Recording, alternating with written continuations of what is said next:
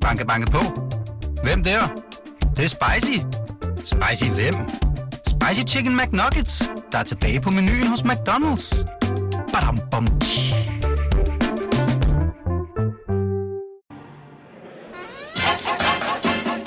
Velkommen til det, vi taler om. Live fra Christiansborg. Din vært er Ditte Ockmann.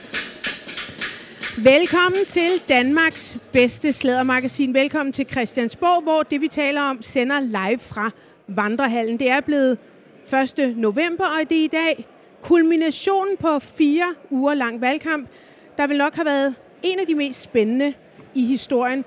Typisk ligger højre og venstre måske tæt i prognoser, oftest øh, også når resultatet foreligger.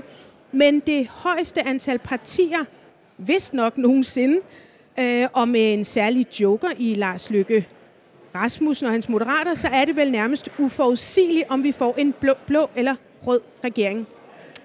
Og altså, om vores næste statsminister kommer til at hedde Mette Frederiksen. Hele regeringsperioden har været øh, belastet af kriser. Nogle har måske været øh, uforudsigelige, nogle har været uforudsete, og en del kriser har politikerne måske skabt selv. Og ja, af deres elendige beslutninger. Eller måske resultat af angst for overhovedet at tage nogle beslutninger. Reformer? Nej tak. Flere penge til alle? Ja tak. Jeg tænker nogle gange, at det må være det nemmeste i hele verden at vinde et valg i Danmark, hvis bare du lover alle mennesker og alle faggrupper rigtig mange penge. Der skal være flere sygeplejersker, flere læger, flere sundhedsfaglige personale på hospitalerne. De skal i øvrigt også have en højere løn, og det er så efter i årtier at have nægtet at se på området og forholde sig til efterslæbet. Der skal også være flere pædagoger for de mindste, og de gamle skal have mere værdi i deres alderdom, mere rengøring, nærvær og selvfølgelig hjemmelavet mad, efter man nedlagde alle køkkener og udliciterede kosten til fabrikker i Danmark og i Tyskland. Og verdens bedste opfindelse næste efter p-pillen blev opfundet nærmest netop vakuum. Det er altid dejligt. Skolerne skal også have mere selvbestemmelse efter den store folkeskolereform. Og sådan kan vi blive ved og ved. Man skal have hjælp til el, varme og jul, efter i årviser at hævet afgifter på el, varme og en række fødevarer. Faktisk er det vel nærmest julemaden, som har fået flest afgifter i sukker, alkohol og nødder. Men øhm, løfterne ruller stadig derudad, og øhm, ja, mens de sidste sætter deres kryds i disse minutter, øhm, så håber jeg her i øh, panelet, at I også har fået sat jeres. Ja. Jeg vil gerne sige velkommen til chefredaktør på Ugebladet Se og Hør, Niels Pindborg. Tak. Jeg vil sige velkommen til journalist på Ugebladet Her og Nu, Nikolaj Vrå. Chefredaktør på Frihedsbrevet, Christoffer Eriksen. Og til selvstændig erhvervsdrivende kvinde. Eller ja, hvad du nu det er jeg. øh, identificerer dig som. Ja, gammel forsødfru. Janni Ræ. ja. Har, I fået, har I fået stemt? ja, Ja, det var Ja. svært i år. Var det det synes det? jeg Ja. også. Jeg, har, jeg, jeg, jeg er i tvivl efter at have sat krydset også. Det samme er jeg. Jo, det er jeg. Det er du. Ja, Må jeg jeg, må spørge- indrømme, jeg synes, de har været dygtige alle for nu er jeg- stemmer jeg jo selvfølgelig blå blok. Det er nok ikke nogen hemmelighed. Men virkelig, altså jeg synes selv, Ellemann har virkelig gjort det godt. Jeg synes Pape, jamen jeg synes, jeg er vild med Lykke. Hold da. Lars Lykke, jeg synes virkelig, han er en storyteller, er glimt sød. i øjet. Håber, og at han Pape hører med. Han dygtig. har da Jamen, det en mener jeg. Og, og Pernille Vermund, altså hun, altså er jeg, så og dygtig. Alex er, har jo virkelig rullet sig ud for Liberale Alliance. Ja. Han var jeg også vild med. Ja. Det er helt ærgerligt, at man kun kan stemme på en åbenbart. Ja, Jeg må sige, jeg er helt enig med, med Janni. Altså, Søren Pape har virkelig kørt en Ja. flot valgkamp. Ja. det har. Altså, øh, Nej, altså nu tænker jeg ikke på alle. Jo, Nej, jo, men jo. jeg synes, han gjorde det godt i går. har været jeg historisk. synes faktisk, Ja. og han stak til Mette. Han var, han, Okay, var, han, ja. var, han var god i går. Det, det er den ro, skal han have. Okay, så vi har en meget dygtig Jakob Ellemann, meget dygtig Søren Pape, Og- Pernille Vermund, Og Morten Messerschmidt og øhm, Alex. er- Alex øh, Van Opslag, Inger Støjberg, var hun også dygtig? Ja, Støjberg har jo også. Hende er jo også vild med. Ja. Nå, men kan du så ikke sige, hvem stemte du på? Jamen, Marianne jeg, Karlsmose. jeg stemte rød. Nej, det gjorde jeg ikke. Jeg, stemte, fa- jeg gav faktisk Dansk Folkeparti en stemme, fordi jeg var bange for, at de kommer under spærregrænsen. Og så kan jeg jo godt lide, at de som et af de få partier, at de går ind for dyrevelfærd. Det er der ikke ret, rigtig mange, der gør. Jeg kan godt lide, at de sørger for de ældre. Øh, de sørger for, at der skal flere hænder. Man gør noget mere for sygeplejersker, for plejehjem og ældresjekken og alle de her ting. Så jeg synes, de gør noget rigtig godt, og de vil, de vil lave en akut nødhjælpspakke til familier her inden jul. Så jeg gav altså min stemme til Dansk Folkeparti. Okay. Og må Men sidder Dansk Folkeparti ikke ude i alle kommunerne og skærer ned af helvede til? Ja, det har Kommunalpolitik er noget helt andet. er det Nå, noget helt andet? okay. Nej, det er Som, noget som jeg andet. hørte, Janni, så var Ja. det en, en, en mere betragtet som en velgørenhedsstemme. Ja, fordi jeg synes, det ville være synd, hvis det røg under spærregrænsen. Det synes jeg virkelig vil være synd. Jeg synes også, de har været igennem en masse turbulens. Ja, det kan man vist Ja. roligt sige. Mm. Vi kommer til senere øh, i den her øh, udsendelse at tale om øh, DF's krise, fordi mm. Den har jo været... Det har været helt forfærdeligt. Ja, Ja. Nogen vil nok synes, at det har været dejligt, Mm. Men, øh, men, men du vil helst ikke se dem under spærregrænsen. Nej, det vil jeg synes var synd. Ja. Uh, er det, kan I andre afsløre, hvad I har stemt? Altså, jeg kan i hvert fald fortælle, at jeg fik, øh, fik sat, da jeg fik sat mit kryds, kom jeg helt i tvivl om... Jeg blev sådan helt bange for, om jeg, fordi jeg skulle jeg helt sikker på, og så kom jeg til at sætte en ekstra streg. Så jeg får jo ud og viste min stemmeseddel til en uh, valgtilforordnet. Øhm, og hun sagde så, at det var godkendt, så jeg ved ikke, om det var partiet, hun mente, eller at krydset, det var, det var okay. Men jeg synes, det var lidt underligt, fordi jeg skulle sætte kryds med en rød kuglepen. Nå, Det er åbenbart rød kuglepen, men... Nå, Man jeg bruger- satte med en blå. jeg satte også med Okay, blå. så det er ikke et skjult budskab. Nej, men det er jo efter, jeg er jo, på, for, det, er jo, det er jo fordi, at jeg, jeg stemmer på, jeg bor på Frederiksberg, Det gør jeg og det er jo blevet en rød kommune, så nu, nu der er man Gud, det har jeg slet ikke rød tænkt over. Jeg, kuglepen. jeg, Det jeg ved tænkte, det var, ikke. fordi det var lettere, når de skulle tælle op og se rødt på, på Ja. hvidt. Jeg vil heller ikke sige, hvem jeg har stemt på, men jeg vil sige, jeg, jeg, altså jeg, har, jeg vil sige, at jeg, i mit liv har jeg stemt fra Socialdemokraterne over Radikale, over Venstre, over til LA. Det har jeg sådan, jeg har, jeg har også, op. Jamen, jeg har stemt i 30 år også, Du ikke? Så jeg, jeg, jeg, jeg, har, jeg, jamen, jeg er bred sådan inden omkring Ja. midten, kan man sige, ikke? Ja. Bred, bred Så skal, midten. så skal ikke? du stemme Ja. på Lars Løkke. Ja, men det... Lars Lykke, jeg synes jo, han siger mange af de rigtige ting, Mm, det synes jeg også. men han er også Lars Lykke, og det trækker den anden retning. Og det, Et, eller- et eller andet sted, Så Mogens Lykketoft fik kaldt ham den lille svindler. Ja. ja, det vil Hold da op, det, tør var til, det, det var ikke til. Mogens Lykketofts øh, 70-års fødselsdag, hvor han holdt en tale herinde i... Øh, ja, det var vist læsesalen, hedder det, hvor øh, han fik kaldt Lars Lykke Rasmussen, daværende statsminister, en lille svindler. Ja. og, og for dem, der ikke var med til festen, de fik så talen tilsendt på mail bagefter. Ej, og hvad var det nu for noget? For det var jo ikke meningen. Vel? Jo, det tror jeg nok, fordi at den, talen var jo så god, så den skulle, de skulle jo høre den jo. Så jeg kunne de jo tror, så selv jeg sidde og tror, læse det var den. sådan en af de der... Ja. Øh, som Folketinget kom ud i alle mail. Ja, ja, Skal ja, man det ikke var sådan et eller andet helt. Og han skulle så forsvare det bagefter, og så var det hele bare satire. Uh, han øh, fik også sagt en del om øh, Helle Thorning og hendes regering, og øh, hun kommer faktisk og gæster os her senere i dag. Øh, så kan vi lige spørge hende om, hvordan det føltes at øh, blive kaldt både talentløs og øh, profilløs. Men øh, sådan er Ja. det. Jamen, øh, jeg tænkte på, om vi skulle ringe til Carsten Ræ. Du er jo alene hjemme, Janni. Ja, han er i Afrika. Han er i Afrika. Vi kan måske prøve at ringe til Carsten Ræ, fordi jeg skal lige høre, om han har måske fået stemt. Ja, han brevstemte, inden han tog afsted, og Nå, jeg ved godt, gjorde hvem han. han stemmer på. Ved du godt det? Har du tvunget ham til... Nej, nej, det har jeg ikke. Han Nå. vil rigtig gerne selv. Nå, okay. Hvad laver Ja. han i Afrika? Jamen, han er lige nede og se til sit nye sted i Afrika, nede i noget, der hedder Karen Bliksen Coffee Garden, som han har Coffee købt. Garden. Ja, Ja. Det der hører til Karen Bliksens hus. Ja. Mm. Og hvad, altså, sidder, altså, er det forretning, eller... Ja, både forretning, og så han skal se, hvordan det sidste byggeri går, og så har han også besøg af en ven, der hedder Mogens Mis. Mogens Smith. For han bor i Cannes, ja. Hvad? Hvorfor hedder han Mogens Jamen, Smith? det ved det, Carsten, der han har jo navn til Jamen, er det alle. noget med...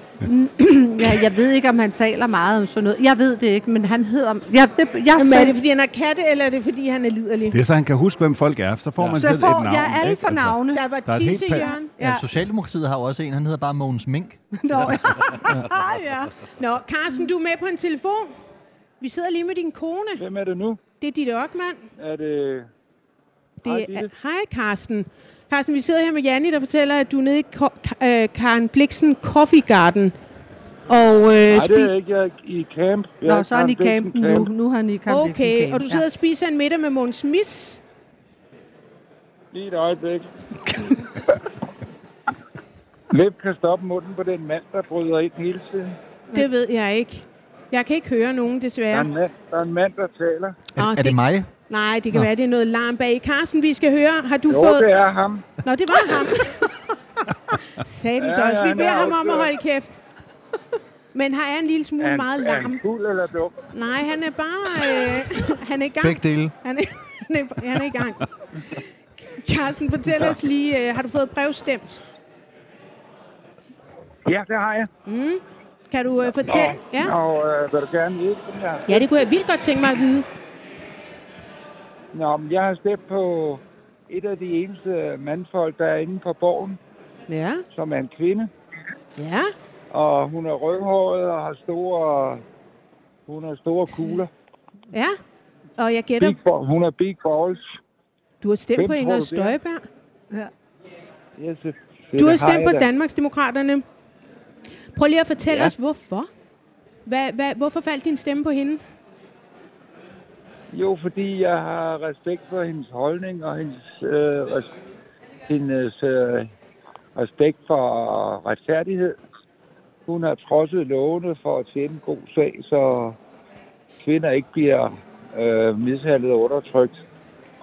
Og det sætter det ikke fordi jeg kan godt lide at drille pigerne, men øh, jeg sætter stor pris på, at, at man håndhæver deres rettigheder, fordi de har jo trods alt de samme som os andre. Så på den måde, så Og det gør... har kostet en dyrt. Ja. Men ikke hun noget... til Nu, har- noget person. Hun trænger til noget opbakning, det er hun fortjent. ja, jeg tror også, at hun øh, ender med at få et øh, ret pænt valg, når man tænker på, at hun er ja, altså med et øh, ret nyt parti, og første gang øh, stiller op med Danmarksdemokraterne. Jamen, øh, Ja. ja. hvor- Hvordan synes du ellers, sådan vandka- valg, valgkampen er øh, gået? Altså, hvad, hvad, synes du om tonen? Hvad synes du om øh, debatterne? Øh, Jeg har ikke kunne føle så godt. Jeg har været hernede et stykke tid, mm. men, men øh, er det ikke øh, same business as usual? Der er en masse kævl og en masse skøre kællinger. Der er kommet mange kvinder i det der folketing. Ikke? Som du har selv lige stemt en af dem. non-competent. Du har jo lige stemt på en af dem. Ja, ja, men de er da ikke lige skøre alle sammen. Nej, det er rigtigt. Hvem er mest skør? Hvem er mest skør? Mest eller mindst? Mest skør. Hvem er Mest. mest? Åh, det er en, der hedder det samme, som jeg gør. Karsten. Er der ikke en, der hedder Karsten? Sofie Carsten Nielsen. Åh, Karsten. oh, shit, ja. Nå, Det er rigtigt. Sofie Karsten Schmidt, er det ikke sådan, hun hedder hende der? Sofie Carsten Nielsen. Sofie Carsten Ræ. Det hold. Ja. Jo, men de har faktisk været sådan en lidt. Jeg, jeg synes, den har været præget af... Vi er lige ved at være i mål. Vi har, vi har ikke nået noget den sidste regeringsperiode, men vi er lige ved at nå i mål. Og det lyder som om, man nærmest næsten er i mål. Jeg synes, at sådan, det begynder bare at netop ligne, at man lover en masse for anden gang. Øh, alle skal have det Åh, bedre. ja. Ja.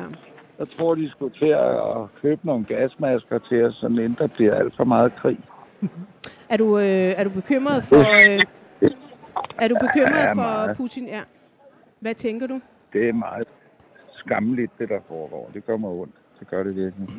Ja. Og det er ligesom om alt det der pladerballe, det, det kan de bruge 100.000 timer på. Jeg tror, alvoren går op for dem ret snart. Det er nogle andre baner, de skal tænke i. Mm. For at hamle op med ham, onkel Putin der. Ja, det er alvor, kan vi vist øh, roligt konkludere. Hvad siger du? Ja, jeg siger, ja, det er jo alvor, kan vi roligt konkludere. Øh, og specielt Ja, også, hvis der bliver taget atomvåben i kraft. Nikolaj Vrå vil gerne lige... Hej, hej Carsten, det er Nikolaj her. Er det gode gamle Nikolaj? Ja, Har du ja. tabt det, Nikolaj? Ja, ja. Udover livremmen.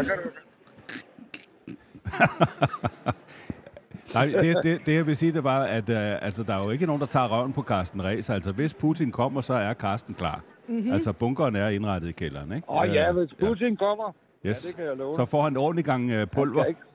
Hvad har du øh, forberedt i den kælder? I min kælder. Ja. Hvilken bunker? En, en, en, en, kopi af en Honda-generator til at lave strøm. Og seks kæmpe bøtter med, hvad fanden er nu, det hedder det, Skipper Lapskovs. Ja. Du må lige spørge min kone, jeg synes sgu, det er Ja, du har købt meget det der, det kaffe og sprut og sodavand og alt. Op. Ja. Der er mange øller nede fra Flækgaard. Ja. Jeg har det hele, så jeg kan Nødraketter. Nødraketter. Fedt. Eller hvad man kan sige. Altså, det er selvfølgelig ikke fedt, at man bliver nødt til det, eller føler, man bliver nødt til det, men det er sgu da godt nok at være, øh, være forberedt. Ja. Det skal man det være. Ja, ja, ja. Hvor mange er der plads Det til dernede? være. Hvor mange har du plads Der til? er mange, det Det er først, vi- det er først til mølle. 30. Der kan nok stå 30 fældsenge Okay. nede i vinkælderen. Janni, hvorfor fanden har du ikke sagt noget? Jamen, du er inviteret. Nå. Altså, du flytter bare ind med dine børn, Ditte, det og din nye kæreste. Ja, og jeg går ud fra, at der er adgangsbilletter, for jeg formoder ikke, Carsten øh, giver Skipper Lapskovs... Nej, det er øh, først til mølle. Er Først når frem altså, til hvis- Vedbæk Lund. Ja, Ja, ja. Ja, så. Ja, så længe holder det jo heller ikke. Der er Nej, det er kun det. øh, sådan 10 liter af det der. ja. Ja, ja, men så må man tage noget med også. Skipper Lavskovs. Forloren skildpadde er det, nu har jeg den. Det Forloren er det, det, det mørke der. Så man kan måske endda kan Det, spise der kommer. koldt. Det, der kommer tættest på flatus. Ja. Der er der ikke nogen i grøften, der har taget skade af at spise kold skipper lapskors i hvert fald, så hvad hedder det? Det er... Jeg vil... Øh, jeg, Det er, jeg har da gasplus dernede også. Jeg har da sådan nogle små croissantflasker med gasplus. Ja, jeg er klar. Hør her, vi kommer sgu da lige ned og tjekker det ud og øh, køber en adgangsbillet, øh, når du er hjemme fra Afrika. Kom og lav en hjemme hos. Ja, Hvem, hvem, ja. hvem, hvem siger, at jeg forlanger penge for altid? Åh, oh, det er godt, Carsten. Det er godt. Du er et godt menneske. Det må være noget med kone. Det må være noget med kone har fortalt. Ja, det er rigtigt. Det er rigtigt. Ja. Det er bare et image. En ting Det er bare- at være bådehold, og en anden ting er at være nære. Det er, det er bare stor forskel. Fuldstændig korrekt. Carsten, tak fordi vi måtte ringe til dig. Og øh, god Det var øh, så lidt. tur i... det, det bliver dyrt, det her. Ja, det bliver dyrt. Du sender mig bare en mobile pay request, så swiper jeg. Tak fordi vi må tale med dig, Carsten. Ja. Velkommen til det, vi taler om. Live fra Christiansborg. Din vært er Ditte Ockmann. Hvis du vil sladre med, kan du sende en sms på 42 42 03 21. Start din besked med BT og herefter et mellemrum.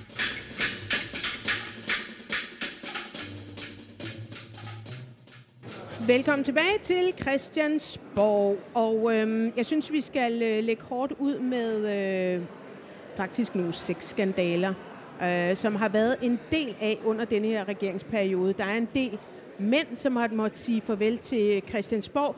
Men øh, senest, øh, den seneste sag, som vi har brugt ustyrlig lang tid på at øh, tale om, det er jo en, som øh, tager udspring i det pæne kirkeministerie, som øh, fik en øh, klage, eller det gjorde biskoppen i København, en klage fra øh, fem kvinder, som havde øh, krydset vej med præsten Flemming Ples. Og øh, det var i øh, kraft af hans embede, at, at øh, han havde krænket dem. Det var i hvert fald det, som øh, de skrev til biskoppen og kom med øh, nogle meget øh, grælde, synes jeg, og virkelig underlige eksempler. Øh, han havde græmset på øh, nogle af dem, og han havde også sat sig på nogle af dem. Han havde, en af dem i hvert fald, han havde stukket tungen ind i halsen. Der var, der var forskellige øh, historier, men altså alle sammen i forbindelse med hans øh, præstegærning. De var kommet i kirken. Og øh, det var en sag, der kørte i øh, halvandet år, og øh, som endte en lille smule sær. Den endte med, at øh, langt om længe, altså efter et år, blev de her kvinder kaldt øh, til afhøring. Øh, og efter yderligere et halvt år, så skulle der så foreligge en afgørelse. Når der ligger sådan en afgørelse, så inviterer man jo Flemming ind og siger, nu skal du høre her, vi har talt og afhørt og gjort ved, og der er kommet måske flere kvinder til, det ved man ikke. Og øhm, vi er altså kommet frem til sådan og sådan og sådan. Hvad siger du til det? Og det han skulle, øh, hans reaktion var jo så at sige op. Det kan man åbenbart. Man kan sige op som øh, præst, og så får man sin øh, pension og sin aftrædelse, og ingen som helst afgørelse. Nu siger du, det er underligt. Vi havde jo faktisk kaldt den løsning allerede i starten af processen. Altså, Ja. jeg husker, det har formentlig været dig selv, der sagde, at det var sådan, det kunne ende. Ja. Øh, men det er jo helt vanvittigt, og, og jeg tænker, øh, øh, de kvinder øh, har været øh, øh, meget skidt igennem med selve episoden, og nu ikke at kunne lukke den ordentligt med en forklaring. Og så bare ikke engang bare en forklaring til dem, en form for anerkendelse. Ja. Fordi at nu hørte jeg øh, den gæst, du havde i studiet her. Det er jo ikke som sådan, hun er jo ikke ude efter hævn Og det var en af de kvinder, der havde eller- klaget netop. over, øh, Hun er over ikke ude efter hævn eller retfærdighed eller noget som helst. Det er en eller anden fornemmelse af at blive taget seriøst, tror jeg. Ja. det må være meget, meget svært at sidde i. Det må det. Jeg øhm, forstår jo slet ikke, hvordan, det kan, hvordan man kan få det loophole, hvordan man kan få den kattelem, at man bare sådan kan sige, uh, shit, øh, er de ved at øh, fyre mig? Er jeg ved at få en øh, ordentlig ruf? Er jeg ved at øh, blive smidt ud på røv og albuer?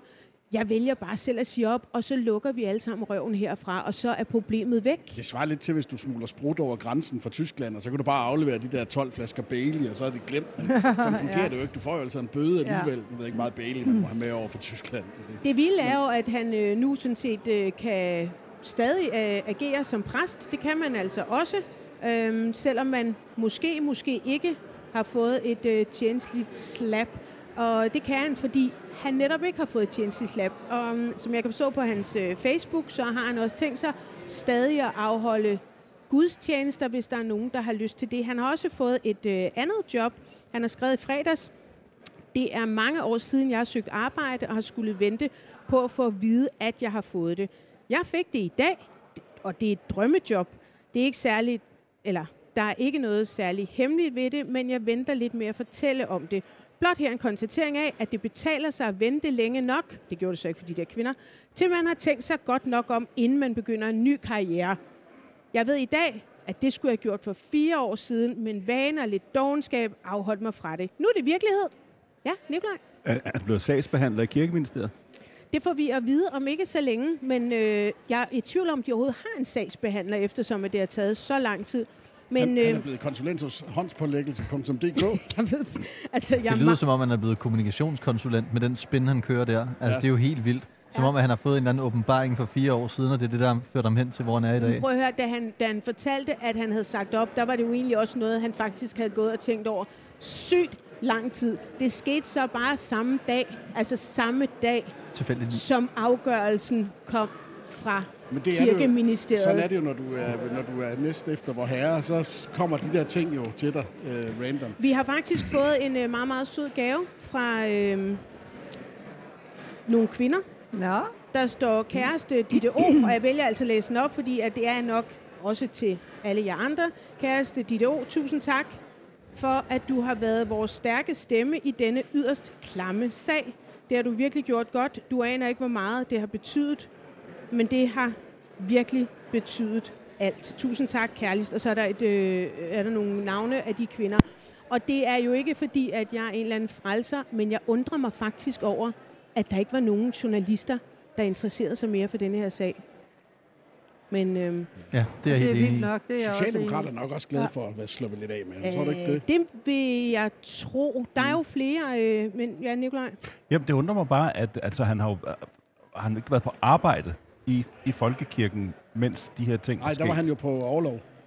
Var han ikke hjemsendt? han var, han var, Nej, nej, nej, men, men, men det, der bliver klaget over, der var han på der var arbejde. han på Ja, ja. arbejde. Jo, jo. Ja, så, så de har vel også et Altså, ansvar. det er ikke sådan noget med, Kirkeministeriet jeg og folk- scorede ham på Crazy Daisy, og, og så var han ulækker Nå, på når du sidder og toilettet. tænker på, at øh, altså, han havde et ansættelsesforhold, da de her påståede, nu siger Ja, jeg ja. påståede krænkelser fandt sted. rigtigt, Ja, Nikolaj. og, og Men- krænkelserne fandt ja. sted i forbindelse med hans Men- arbejde ja, ja. med sjælesorg og så videre. Præcis. Men så, så vil det så sige, så er der jo stadigvæk en sag, kan man sige, mellem kvinderne og hans øh, Arbejdsgiver. ansættelsessted. Ja, det burde der De være. har jo et ansvar. Det kan man sige, men det mener man så åbenbart Nej, ikke fra Kirkeministeriet. De har kun ansvar for, hvad nu har vi jo så set rigtig mange gange, at kirkeministeriet ikke har ret, så må ikke de heller ikke har ret den her gang. Vi har i hvert fald... Øh, Jeg håber, de har en rigtig god advokat, de her kvinder. Ja, og det kan har, spørge jeg vil sige, vegne. det har de øh, haft, og øh, sådan noget er jo heller ikke gratis. Så øh, de har også fået en kæmpe fucking regning som øh, på ryggen af det her. Er der, har, Vi- har de, har, er der en MobilePay til dem eller et eller andet? Vi kan måske sætte et op. Øhm, de har været så søde at se, sende os noget chokolade og sende os øh, nogle bobler. Så øh, I USA der er der jo meget, det er jo meget udbredt, at man har sådan en defense fund eller en legal fund eller et ja, eller ja, andet. ja, ja. Så hvis der hvis, hvis, Ja, det er også inden for Hells Angels. Det er ikke nødvendigvis. Der var også en anden, øh, der var en anden socialdemokrat, det var øh, Frank Jensen. Han blev nødt til at trække sig som, øh, som Overborgmester. Overborgmester. overborgmester i København, ja. Ja, han Øh, fik vist slikket mange kvinder i øret. Men, men Ja. det, var, det var jo ikke værre, end at, at den nye overborgmester så inviterer ham med til de store Tour de France-fester. Nej, Nej. der var han jo med. Ja. Øh, hans kone Jane, hun øh, bakkede ham altså op, og det hed sig, at øh, det var også bare Socialdemokraterne, der skulle bruge en syndebuk. Det var Faktisk, mega øh, synd for ham. Faktisk var det det, Bjarne Ries havde gjort, var værre, så han kunne ikke komme med. Nej, det er rigtigt. Ja. Ja, det er rigtigt. Bjarne kunne ikke komme med, men Frank stod Nej. der. Øh, en, der øh, ikke bakkede ham op, det var Annette Heik. Jeg ved ikke, om I kan huske, at hun Det smed ham i hvert fald under huske. bussen. Ja. Han- havde nemlig også Ja. stukket tungen ind i Ja. på hende. Ja. Jeg Det synes han, faktisk ja. ikke, hun smed ham under bussen. Jeg synes, at hun trak bukserne hun ej. ned på ham og fortalte, hvad det egentlig var, der var foregået. men det jo For også det kunne godt være, at han ikke kunne huske det, men hun kunne i hvert fald huske det detaljer. Ja. Vi kan lige se, hvad Helt det var, øh, Frank. Jensen selv øh, sagde i forbindelse med øh, de her sager. Jeg er endt i nogle sager, ja. Som jeg sagde i går, så er det nogle sager, hvor øh, det aldrig har været målet for mig at krænke nogen. Jeg er et glad menneske. Øh, jeg, jeg møder andre mennesker med glæde. Nogen kan opfatte det, hvis man har fået lidt alkohol, at den glæde kan blive for overvældende. Det beklager jeg, og det, det må aldrig udvikle sig til krænkelser, og alkoholindtaget må aldrig blive en undskyldning for, at man har krænket. Men nu er det sagt, og det er der gjort op med, og jeg håber bare, at jeg gennem også mine egne børnebørn kan være med til at også give dem øh, mulighed for at udvikle det her samfund og sørge for, at vi får en bedre kultur. Vi ikke har den der macho-kultur. Det var altså bare ham, der var i super godt humør. Han er bare glad. Han var bare glad. Han er, han er var så glad, så han slikker folk i øret. Ja, ja. ja. Det kender vi alle sammen. Og, og, kan, og kan I huske, altså hvis det var min far, jeg var spasset fuldstændig ud, hvor meget han havde brugt mine børn Ja. til at rense. Altså at høre, han var jo i tid og utid på øh, Facebook med det ene barnbarn, med det andet barnbarn. Ja. Han var bare en bedstefar, han var ikke ja. En klammert. Men det, det synes jeg faktisk er ret vildt, det der. Jeg synes Ja. tit, man ser politikere i knibe, der på en eller anden måde trækker deres børn ind i det hele. Mm. Altså øh, som en del af narrativet, som en del øh, skubber dem ind foran, ind Som på ja. scenen. Ligesom syriske krigere, Ja. som, som som forsvars... Ja, som sådan nogle lyner, Ja, så ly, lynafledere. Ja, ja, ja. Altså prøv at se, jeg har jo børn. Jeg har jo børn, så så Så slem jeg har kan jeg ikke ikke være. tungen Ja. ind i øret på nogen. Ja. Ja. Der var også øh, Nasser Carter. Nasser Carter, han øh, havde også, øh, jeg mener faktisk også, det var fem kvinder, som øh, P1 havde øh, efter altså nærmest to års arbejde fundet øh, frem til og fået til at stille sig frem og fortælle om de krænkelser, han havde øh, gjort. Det var noget med øh, noget massage. Han inviterede dem op i sin lejlighed, op i sit sommerhus. Øh, det var også på kontoret. Og så var han, øh, enten havde han åbnet døren med Nøgen. et håndklæde rundt om sig, ja. Lagt sig ind på sengen og sagt, gider du at massere mig? Og så, øh. Øh, der var også en dame, og det var vist i forbindelse med noget kunstudsmykning, et eller andet, som han havde øh, mast ned, altså taget ind i soveværelset, mast ned i en seng og lagt sig ovenpå hende. Hun havde faktisk fået vristet sig fri. Det lød, altså det lød unægteligt som Begyndelsen noget, man noget, kunne man forveksle, for. man kunne forveksle med et voldtægtsforsøg. Ja. Mønstret var ens hver gang. Ja. ja. Altså hjem. Vi Ja. skal holde møde derhjemme. Ja. Ja. Ja. Og På grund af så, PET. Øh, ja. Det er på Nå, af- okay, så Ja, det PET, brugte han også. Ja. PET blev simpelthen brugt. Janni, du har jo engang fortalt, at du faktisk har snadet med ham. Ja, men altså, jeg blev inviteret også ud at spise, og heldigvis så har han ikke forsøgt sig på noget på mig. Mm. Altså, Hvor øh, var I henne? Vi var også og i hans sommerhus, og Okay. øhm, så det var heldigvis bare et kys. Og, Altså var- i sommerhuset? ja, ja og, okay. og så smuttede jeg hjem. Altså, vil du med ud og spise hjemme hos mig i mit ja, sommerhus? ja, ja, ja. Nej, nu kendte jeg ham jo lidt. Nå, Jeg havde okay. jo en veninde, der arbejdede herinde i syv år, som var faktisk hos øh, Dansk Folkeparti. Så jeg kendte ham. Ja. Ja. Men, men jeg tror, han nok ikke tog på mig, fordi at han vidste, at jeg havde den her veninde, der sad i Dansk Folkeparti herinde. Men så- altså, I kysset? Ja, men mm. det var han jo ikke Nej, nej, nej. ikke. Jeg hørte det som, at han Ah, nej, nej, stop, stop, stop, stop, stop. Hvad Han sagde Janni? mig. Han, var han god til det? Nej, Nå, det var okay. Det var, Nej. jeg afbrød skulle lige, da afsløringen kom. Fanden, undskyld. ikke? Altså. Ja, ja okay. Ja, det var, det var ikke så godt. Nej. Nå, men, men det var, det, han var, det var ikke interessant for mig. Nej, okay. Nej. Øh, Men han var meget sød og, og klog jo, og, og, og jeg tænkte, ly- altså helt, min veninde kendte ham godt, så jeg var jo egentlig ikke bange for Nej. ham. Men når jeg så hører alt det her, så tænker jeg, tænk så, hvis jeg ikke havde været med, veninde med hende, så kunne det jo også godt være, at jeg havde, var blevet skubbet ned i en seng, eller mm. hvad det nu kunne være. Men i hvert fald så var det consensual. Øh, der var ikke noget øh, Nej. overgrebshalløj. Overhovedet ikke. Var, øh, øh, jeg skulle til at sige, Blev det der, ikke lidt akavet efter det der? Jo, meget. Ja. Jo. ja, Men det var mange år siden. ja. Ja. Men det er måske derfor, han kysser dem i døren, for så ved han ligesom, bliver det en god aften, eller bliver det en dårlig aften. For hvis du har først har siddet en halv time og prøver, og det så ikke virker. Der er faktisk også en anden historie med dig, Janni. Øh, med en minister. Nej. Og det vil vi gerne høre. Hvad er det for en historie? Nå, den der. Nej, men det er jo fordi, jeg arbejdede øh, som mediekonsulent øh, på et øh, bureau. Og så øh, havde vi interviewet en minister, og så siger han til mig, jeg siger, "Nå, men, øh, vil du have det her blad, du er i, du blev interviewet til? Ja, det ville han meget gerne, men om jeg kunne ikke lige smide det forbi hans ministerbolig. Hvor arbejdede du? Jeg arbejdede på et mediebureau. Mhm. Mm-hmm. Og øh, så sagde jeg, jo, det kunne jeg da godt. altså naiv som jeg var. Jeg tog der et par blade med, og sød som jeg var, og tænkte, at jeg smutter lige forbi og giver de her blade. Mm. Og så øh, åbnede han i sådan en Simon Spies havskåb, øh, hvor jeg tænkte, det var, det var sgu...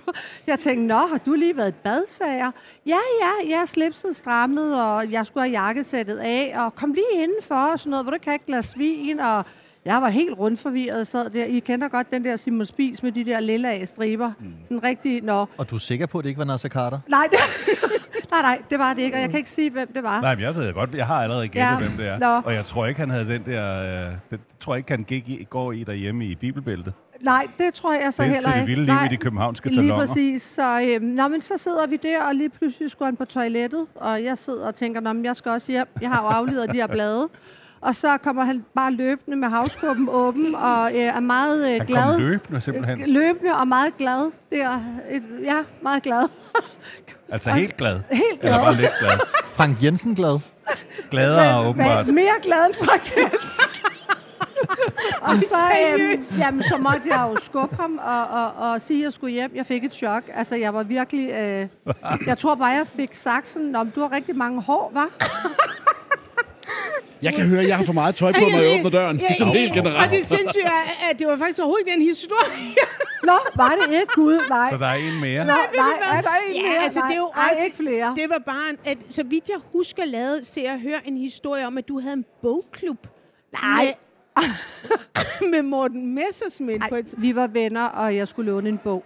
I øh, Da Vinci-mysteriet. ja, hvordan var det, den var, den historie? Jamen, det kan jeg faktisk ikke. Det er dig, du kan den bedre end mig. Ja, okay, kan den men bedre end sådan, mig. som jeg husker det, det, Ja. det er jo en gammel historie, så det kan godt være, der er nogle detaljer, jeg misser. Jeg mener, at Morten Messersmith havde været på... Øhm, han havde været i Bruxelles. Ja. Han havde været til møde et eller andet. Nej, og han, han, Han, var, han boede der. Ja. ja, han boede der, og han sad jo i Europaparlamentet. Og så flyver han hjem til Danmark, og da han lander i Kastrup, så, tager, så svinger han lige først forbi dig, inden ja. han tager hjem. Ja. Og øh, så er han der åbenbart i nogle timer. ja. Ja. Jeg ved ikke, om de laver højtlæsning eller hvad Nej. jeg gør, men i hvert fald kunne jeg forstå efterfølgende, at han skulle aflevere Da Vinci-mysteriet Ja. til dig. Præcis. Det er rigtigt. Ja. Ja. Øh, hvor, hvorfor låner I bøger af hinanden? Det gjorde vi bare. Altså, det var, altså, det var bare det. Ja. Okay. Gud, Nå, du har... spændende.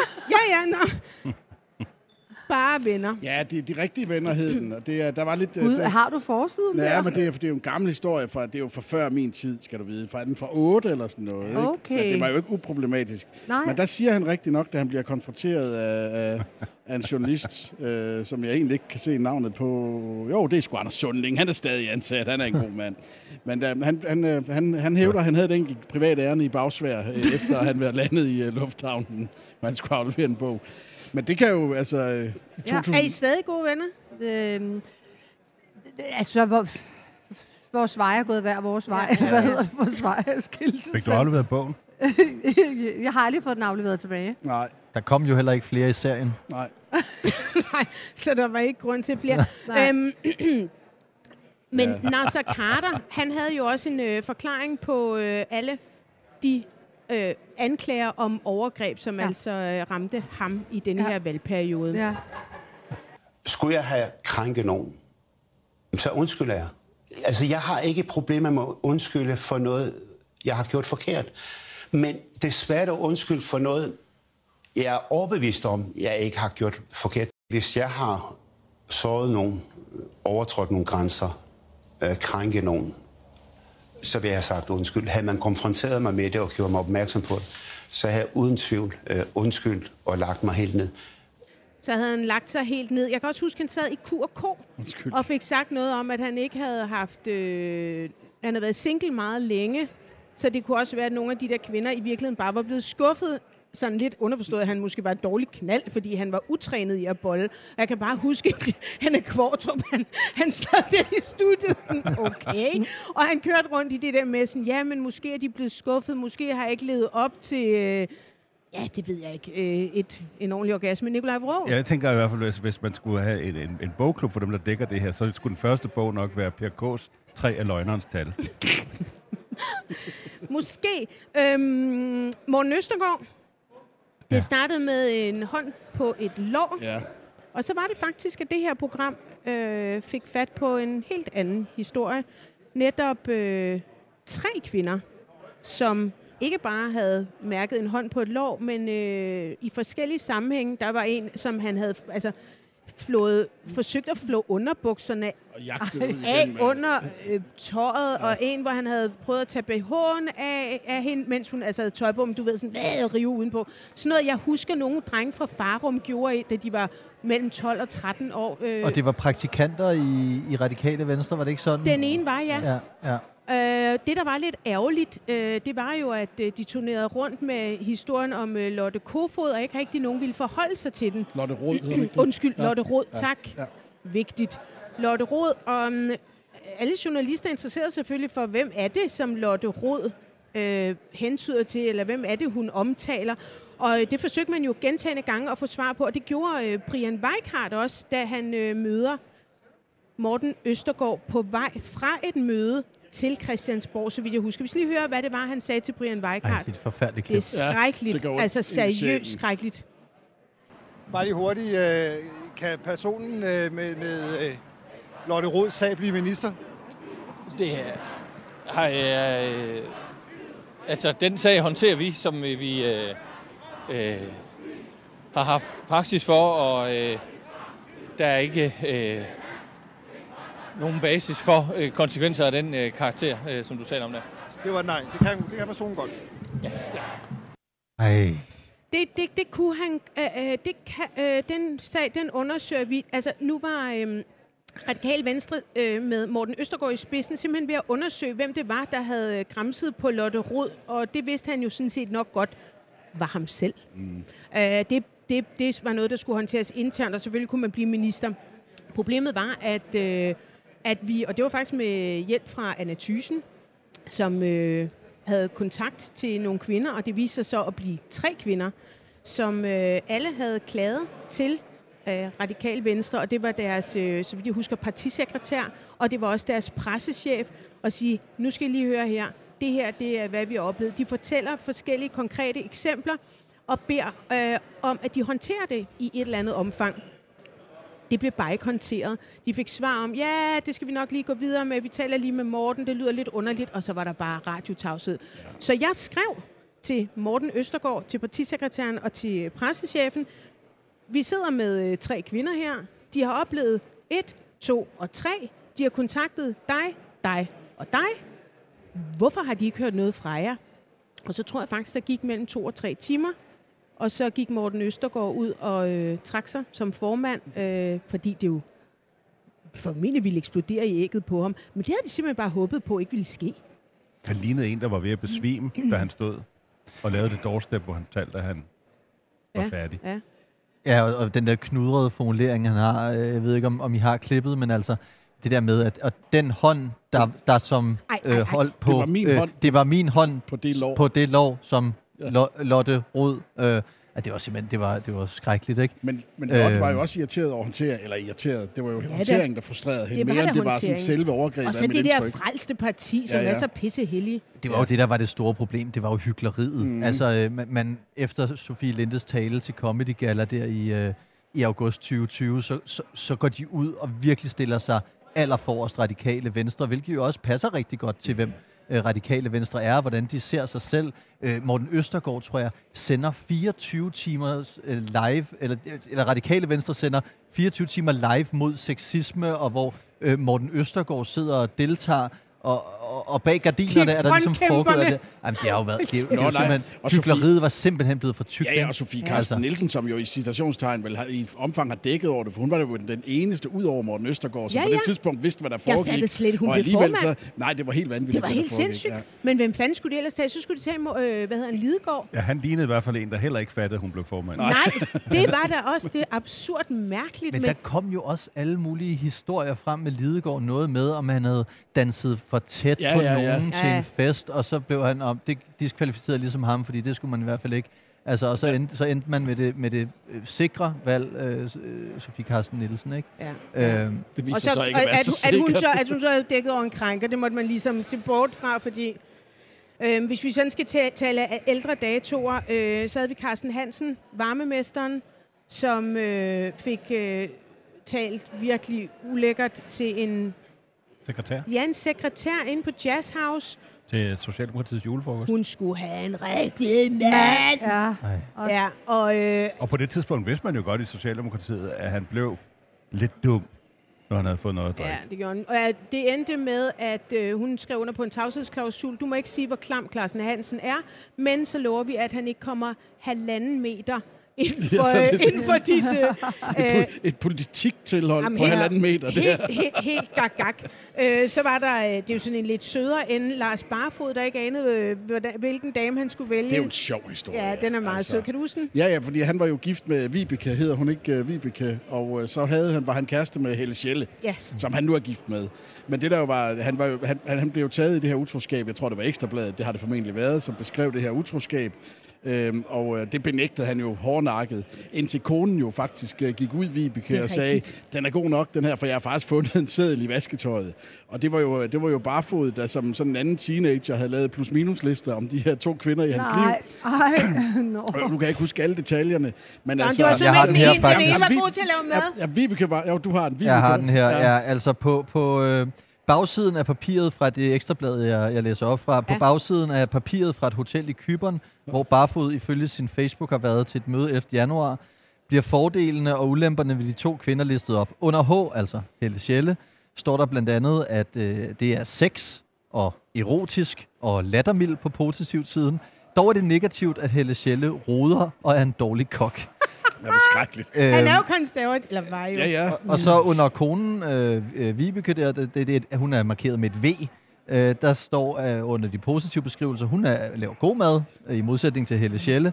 øh, hun er intelligent og udadvendt, men på det negative, så står der ofte sur. Nå, Og der er ikke noget værre, end at være sammen med en sur partner. Altså, Men, men det, er jo helt, altså, det er jo helt utroligt. Dels, at man altså, Han var jo formand for, laver de, sådan han en, var jo formand for har de brug for at sidde og lave sådan en liste, ja. men samtidig, at man på en eller anden måde øh, sør, får sørget for, at den falder i ens kones hænder. Ej. Altså, det, det, Ja, det er jo ja. næsten Ej, men, utroligt. men helt ærligt, hvis jeg var Vibeke, så tror jeg nærmest, jeg ville være lettet ja. over at slippe af med ham. Fordi sådan en mand, der sidder sådan lidt, hun er god til at lave mad. Prøv at høre, jeg gider altså ikke at være sammen med en mand, der, Men- der går op i sådan nogle banaliteter. Prøv, hva- Gå ud og fucking spise på en restaurant. Han var partiformand for de konservative på det her Ja, ja, tidspunkt. ja, ja, ja. ja. Prøv lige at forestille jer et abstraktionsniveau. Der er seks punkter på det her papir. Tænk, han har behov for at skrive det ned. det er helt han kan simpelthen ikke have det der inde i hovedet.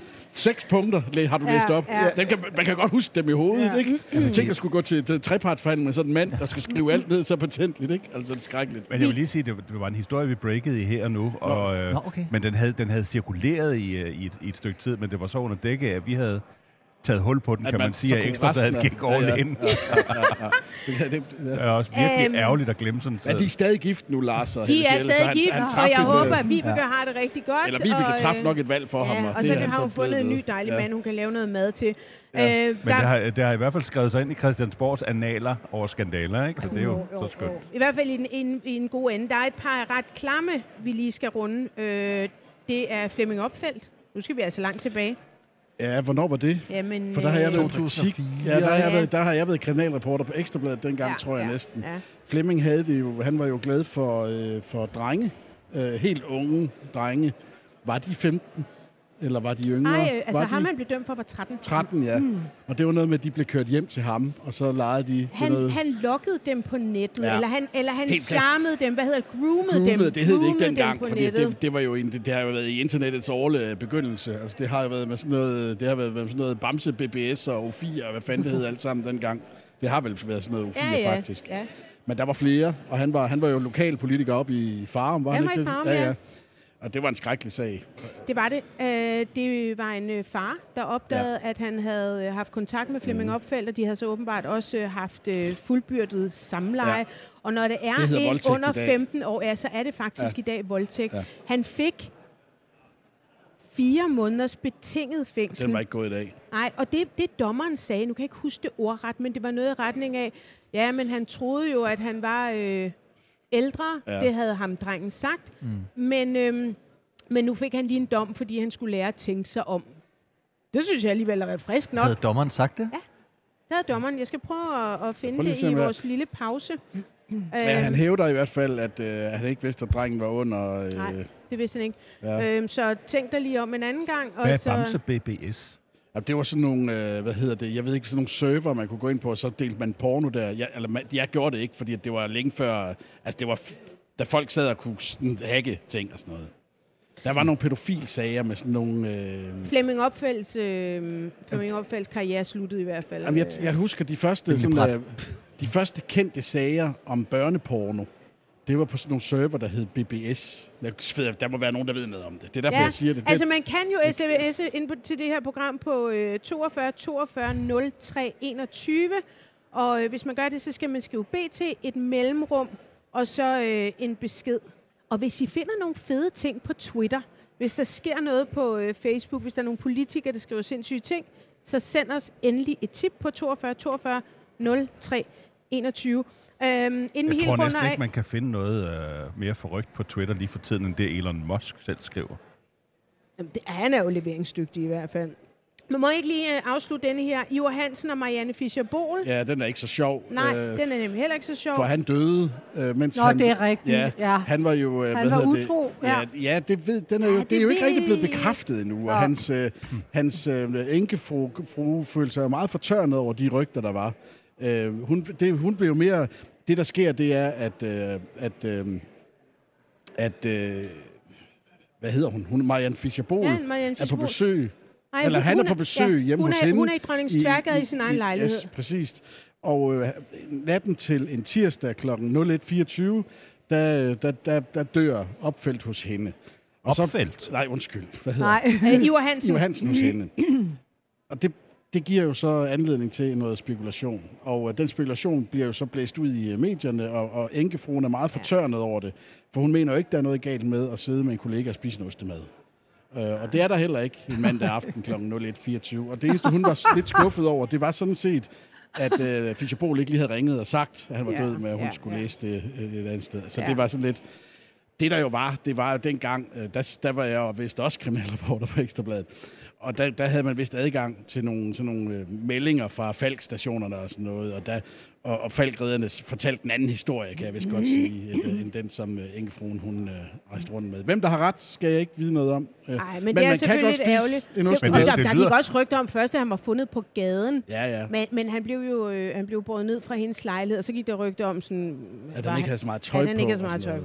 Ja, Ja. men men, men man, har, man har jo et, et klæde over sig, så det kan man jo heller ikke sige, Nej. at han ikke havde. Hvad mindre man har været oppe i stuen Nej, det var kongen, der blev fundet på gaden i Hamburg, men det lyder faktisk næsten som, som en storyline for Borgen. Ja. Nå, for søren. Ja, det, altså Og i et er- af de første afsnit Ja. af Borgen, der var der jo en spindoktor, der så døde i, Ja. i Katrine Fønsmarks seng. Ja. Men det kan jo Den være... aller, aller sidste, jeg lige vil tage, inden vi går videre, fordi vi har faktisk en gæst, vi skal sige velkommen til om et øjeblik. Øh, det er Anders Møller. Husker I, hvem han er? Der var noget med et hul i væggen i et solar i Køge. Det var Soleil. Soleil-luren fra Køge. Ej, ja. Jo, jeg ved godt, vi er langt tilbage, men Soleil-luren fra Køge, han, øh, han var, sad i Folketinget for Venstre, og øh, han var så også øh, formand i Køge svømmehal. Og øh, der havde han så åbenbart øh, fået boret et lille hul der og hygget sig med at sidde og glo ind på kvinder, som øh, lagde sig i solarie. Det var faktisk ikke noget, der fik konsekvenser i Venstre. Det var en anden tid. Det var sådan lidt whatever. Den var ikke i dag. Den var ikke i dag. Men der skete jo alligevel noget. Og jeg kan faktisk... I starten var det sådan noget med, Nå, men det er lige meget, nu sidder han jo i Folketinget, og han har lært af det, og da, da, da, da, da. Og så, så, så kom der endnu en sag, hvor han var øh, luret kvinder, og, og, og, og, og så var det altså, at han måtte øh, trække sig. Men øh, det her år har i hvert fald også været ret fedt. Ja, nej, det lyder helt forkert at sige Ja, festligt. har været ret Klamovic, øh, hvad angår øh, mænd og øh, krænkelser på Christiansborg. Velkommen til det, vi taler om. Live fra Christiansborg. Din vært er Ditte Ockmann. Hvis du vil sladre med, kan du sende en sms på 42 42 03 21. Start din besked med BT og herefter et mellemrum. Lige meget, sæt dig ned. Ja. Hej Claus. Hej. Velkommen tilbage til Danmarks bedste sladdermagasin. Vi sender live fra Christiansborg. Uh, vi sidder i vandrehallen for enden af den meget smukke og ikoniske trappe. Vi kommer til at sidde her til klokken Lort. i hvert fald midnat, og vi venter selvfølgelig på, at uh, der ligger et, ja, altså så fast uh, resultat, som vi overhovedet kan møde, og øh, venter selvfølgelig også på vores nuværende statsminister for at høre, om, om, øh, om, om hun fortsætter. Men øh, jeg har inviteret dig, Claus Riskær. Velkommen. Tak skal du have for invitationen. Jamen, jeg er sindssygt glad for, at du kom, fordi du var jo faktisk øh, et af de nye partier, der stillede op sidste valg i, Ja. øh, i 19. Ja, Og jeg, og, og det er jo lige før, jeg næsten stiller op igen, kan man sige, med Lars Lykkes projekt, så man kan sige, ja, livet fortsætter åbenbart. Ja, jamen, pr- præcis. Altså, fordi der, når man ser på øh, Lars Lykkes projekt, ja. Ja. og i, i det hele taget hele snakken om, at nu skal vi til at arbejde hen over midten, Ja. så var det jo egentlig også nogle af de tanker, du bød ind med tilbage i 19. Altså, jeg havde to projekter i, i det innovationsprojekt, jeg lavede. Det ene var, at vi, jeg, jeg meget gerne så, at vi fik brudt de store partier lidt op og fik nogle mere, mindre og mere agile partier, øh, der havde sammenhængskraft med nogle befolkningsgrupper. Jeg ser det som en naturlig del af ændringen af folkestyret, at vi får noget, der er lidt mere bevægeligt og lidt mere foranderligt. Mm. Og man må sige, at det, at, at jeg lavede det parti, som jo var første gang, at en enkelt mand bare havde lavet et parti, det tror jeg altså gjorde, at en del politikere blev inspireret af det, og fandt kræfter til at stikke af fra de faste rammer, og jeg er overbevist om, at en Lars Løkke og en Inger Støjberg siger, altså når Claus Riskær kan, så kan en hver, har de sagt. Ikke? og så har de simpelthen bare øh, forfulgt den idé, øh, inspireret af, at det kunne lade sig gøre. Øh, så det var meget vigtigt. Øh, det andet var selvfølgelig, som du selv lige er inde på, at jeg så meget gerne, at vi fik rykket politik ind på midten øh, som en forandringsagent. Og øh, da Lars Løkke lavede sit projekt og lagde det frem, der stansede jeg jo så indsamlingen af vælgererklæringer en gang til, fordi jeg indså, at nu kom den rigtige mand øh, og lavede øh, projektet. Fordi øh, som sagt, det drejer sig åbenbart ikke om nogen, men om noget. Så min holdning var lidt, det var ikke helt afgørende, om det var Lars Løkke, der afgørende var. Det var en meget, meget bedre mand, end jeg var til at lave den politiske idé, mm. jeg egentlig havde. Så på den måde er jeg ret tilfreds og synes, det er en dejlig afslutning. For mig er det jo en afslutning i Ja, aften ja. på en periode, der har været. Og den synes jeg er givet godt videre, om så må sige. Eller er blevet samlet godt op af nogen, der er bedre til end mig. Men det der med at stille op ene mand og ligesom samle øh, et parti, Ja. skabe en politik, samle de rigtige mennesker, der skal repræsenteres. Øh, altså, jeg forestiller mig, at det også er ret udmattende. Så, så altså, en ting er, at du gjorde det, men øh, du, var jo, du var jo faktisk ret alene. Hvor sådan en som Lars Lykke, han har jo så lavet et helt netværk, ja, arbejder for ham. Ikke? nu er der den forskel på Lars Lykke og, og mit projekt, er, at han har brugt øh, tre og halvt år på det, grundlæggende. Øh, jeg har aldrig set nogen slice en begivenhed så meget som Lars Lykke. Tænk, han fik lov til det. Ja. Af jer, der sidder her, det forstår jeg egentlig ikke. Men han har slicet den jo i en uendelighed, og jeg tænkte, jeg kan ikke blive ved det her. Der må der være en eller anden dag, hvor nogen siger, "Hold, nu dækker vi det altså ikke, før der kommer store noget. bøger, uden at skrive, hvad han præcis Ja, skulle. præcis. Det var et, ja. meget, meget fint, og han er en dygtig fyr. Men, men det er jo rigtigt nok, han har opbygget jo et, hvad man kan sige, er et klassisk politisk parti med en organisation og folk og alt muligt, der kom ind. Uh, da jeg mødte Inger Støjberg til et andet tv halløj vi lavede, da hun lige sådan ikke helt havde sagt, hun skulle i gang, men det lå, at nu kom det. Så til jeg tænkte, for guds skyld Inger, lad være med at lave hele den der store overbygning. Få noget, der er mere bevægeligt og ikke er så tungt. Men der er Lars Lykke jo gået den klassiske vej og bygget et helt klassisk parti ja. op. Og det er ret imponerende. Øh, og øh, så skal vi så se, om man kan styre det, fordi øh, det er jo nu, det bliver svært. Altså, når han kommer ind med 10, 12, 14 øh, nye typer og en organisation og folk og deres ambitioner og lokalpolitik og programmer, og alt kan gå galt. Og den eneste sikkerhed, vi har, det er jo trods alt, at det er en mand, der har en vis politisk, eller betydelig politisk erfaring og dygtighed. Så jeg tror, det skal nok, øh, det skal nok gå. Øh, Ja, ja, det, ja, det er jo rigtigt. Altså, det, det Claus siger, ikke? og det er jo også noget, du selv har prøvet på, på egen krop, det der med, øh, altså når, når så kandidaterne bliver valgt, en efter en, og hvis de, hvis de leverer det, som, som det lige nu ser ud til, altså en 16, 17, 18 måske mandater, altså, så bliver de jo trygtestet rigtig hårdt. Og det, og, og det kan blive meget, meget hårdt, når man tænker på, at det er folk, der ikke er trænet i politik. De har måske et eller andet form for bagkatalog, der bliver øh, rullet ud. Øh, det, det, altså det, det ved du, øh, Claus, altså, ja. Hvordan jagten ligesom går ind, når man melder sine kandidater ud. Jamen altså, det er et... Øh, øh, altså, jeg havde stor glæde ved det. Det var en af de største og fedeste ting i projektet. Det var den her jagt på gode folk, og jeg fik fantastisk gode kandidater. De var søde, rare, behagelige, dygtige mennesker. Og jeg fik 30.000 vælgere, der i et meget nyt projekt, der var meget kort, det var 3-4 måneder gammel, gik ind og sagde, vi giver det en chance.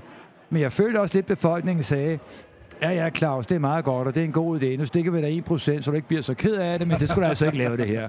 Gå du hjem med dig og lave dine projekter, men lad være med at lave politik. Men er det ikke også netop ja. Svagheden med den her slags pro- projekter, den der trygtest, som du snakker om, Christoffer? Jo. At man ikke har et politisk dogme, man har ikke en politisk ryggrad at falde tilbage på. Det har vi jo set både med Inger Støjbergs projekt, men også når alle andre end, i Moderaterne end Lars Løkke er blevet spurgt, for han er jo bare, han er, altså, han er jo borgens fucking dygtigste politiker på godt og ondt. Men, men at når man ikke har det der politiske backbone, øh, øh, øh, jeg kan sådan set godt lide tanken om mere pragmatisme, øh, og, og specielt i sådan et lille land, som vi er i. Men de her politikere, som, for, som er meget, altså, der, der driver det her land, de, stammer, de, de er jo opdraget med en politisk indignation og, og, og, og, og, og dogmer og, og, og, og ryggrad, ikke? Altså, og det har de her nye projekter jo ikke, og derfor kan det se svagt ud, når man bliver spurgt om ting. Altså, der er jo nogle af de her moderaten, moderaternes øh, opstillingsparate, der er blevet taget lidt i, og måske mene lidt noget andet, end det Lars Løkke nok havde håbet, de mente, de skulle mene, når de blev spurgt om det.